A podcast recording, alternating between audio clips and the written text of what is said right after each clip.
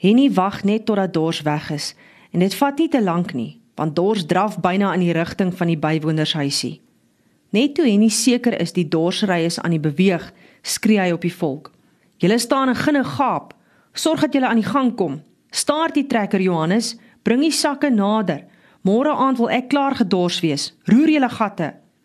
Hulle spring aan die werk en toe die dorsmasjien loop, skree Henny bokant die lawaai in Johannes se oor. Ek gaan gou huis toe en die ander man sal nou terug wees. Hy het net gou eers bietjie gaan vry. Sorg dat julle dinge loop. Toe is Henny weg. By die huis warrel hy in. Hy weet Hanna is die tyd van die oggend in die kombuis. Hy haal sy hoed af toe hy instap. "Is daar fout?" vra Hanna onmiddellik. "Wat maak jy nou al hier? Ek het nog nie ontbyt gemaak nie." "Los die breakfast, vrou. Ek ry net nou dorp toe en jy ry saam." "Wat moet ek in die dorp gaan maak? Ek dog jy wil net gou koöperasie toe. Jy's dan so hastig om klaar te dors." "Jy gaan saam. Ferreira het vir my plan geval. Hy en Cathy wil voor die magistraat gaan trou, vanoggend nog, en ek en jy gaan hulle vat. Maak jou reg, ek wil 10 uur ry." Ek hoef mos nie saam te gaan nie. Ek wil vanoggend bak. Die beskuit is op. Los die bakkery, jy moet saam.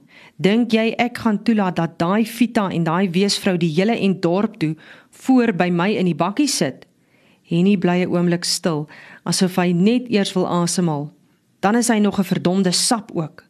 Jy vergeet jou pa's ook 'n smitsman. En toe ek jou leer ken het, was jy ook een. Ons Afrikaners het onsself begin verstaan, sê Henny. Dis die ergste. Waar gaan na 'n teespraak? Nou toe, loop trek vir jou aan. Is al reaksie wat sy kry. Henny hoor nie eers toe Hanna agter hom aanvra of hy dink dis die regte ding om te doen nie.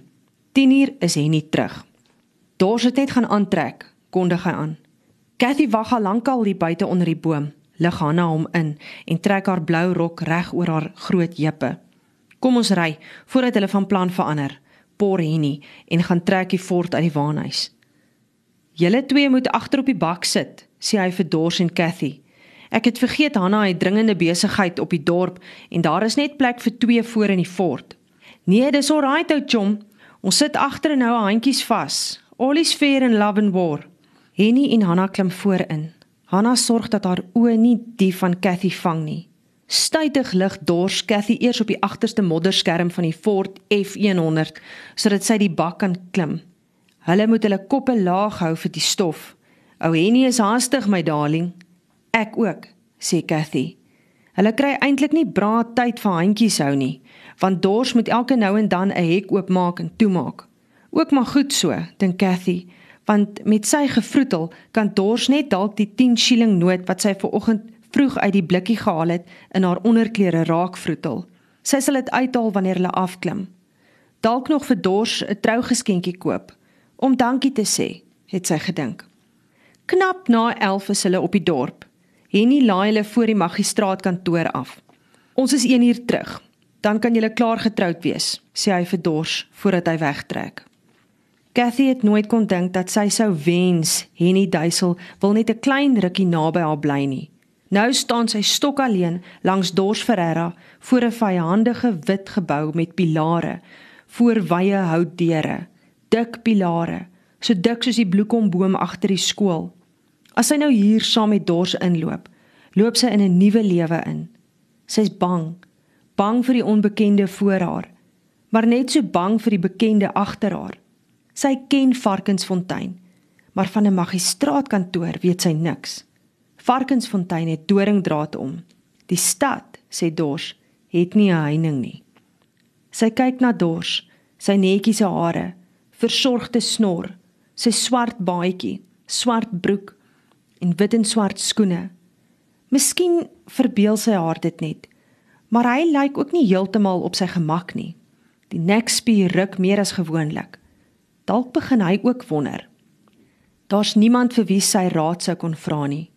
Tannie Hetta het haar te vroeg gelos en juffrou Gous is weg. Hulle sou geweet het wat om vandag vir haar te sê.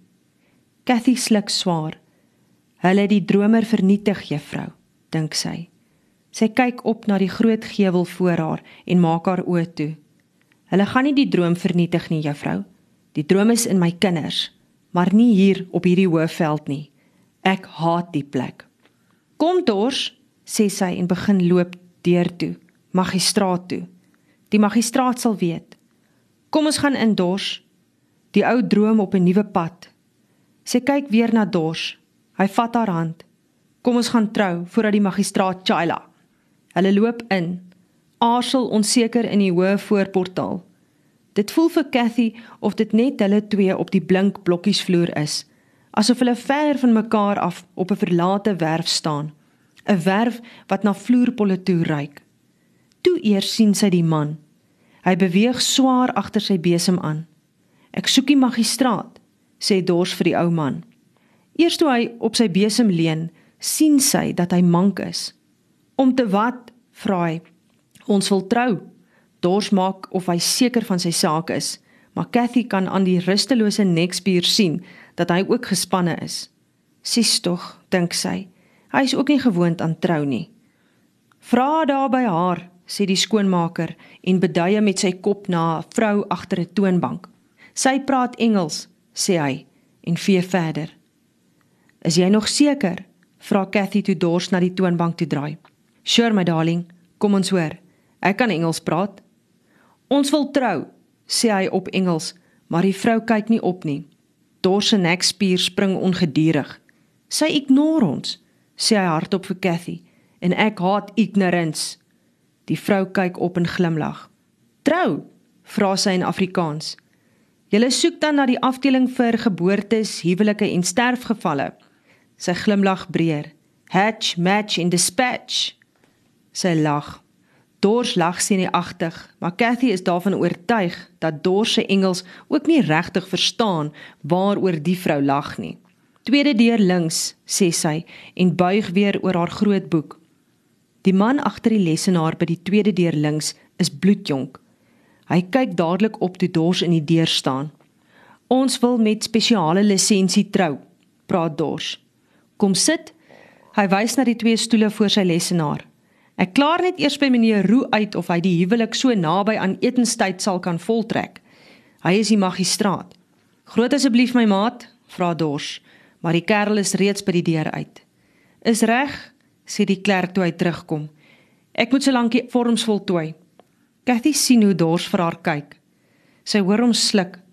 Toe glimlag hy en hy vat haar hand. Uit 'n rak haal die klerk 'n pak vorms. Gaan sit oorkant hulle en tel sy pen op doop dit in 'n inkpotjie en kyk op. Naam? vra hy vir Dors en begin die vorm invul. Jou meisie se volle name? vra hy vir Dors.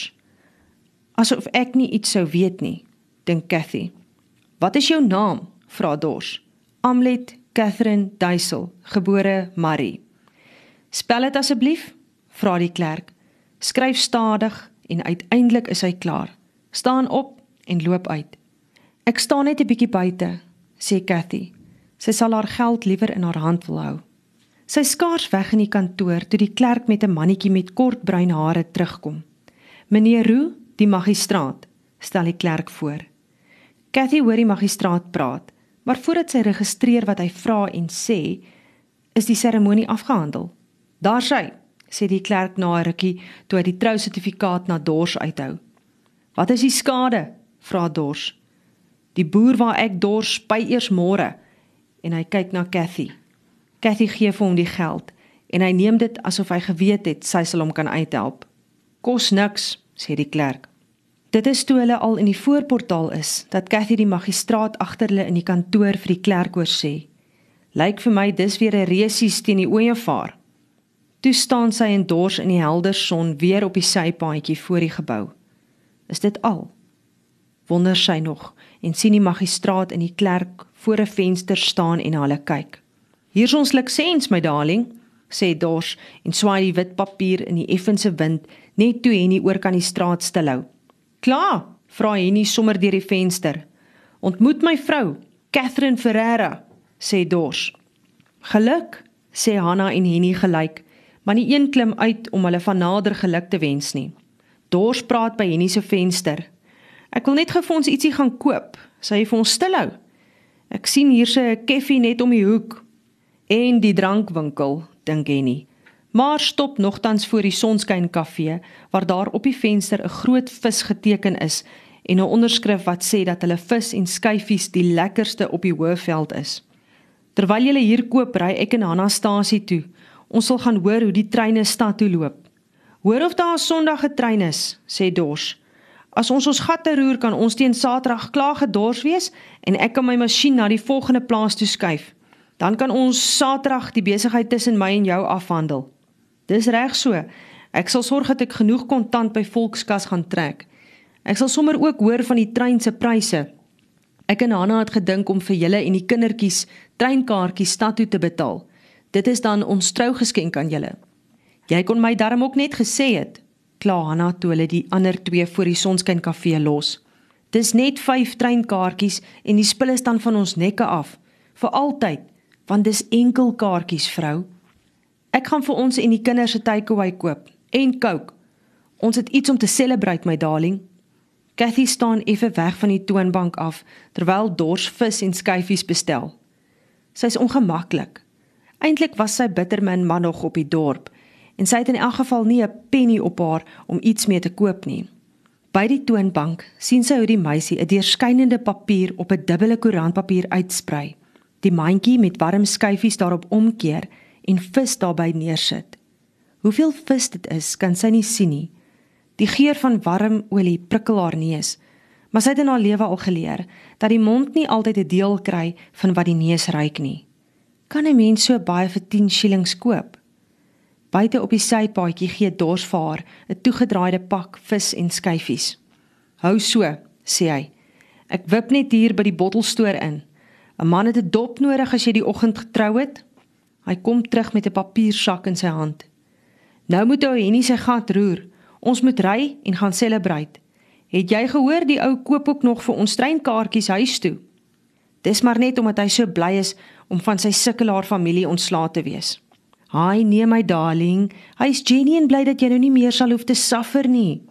Henny wou nog altyd hê ek moet sukkel. Sê sy net toe hulle die fort om die hoek sien kom.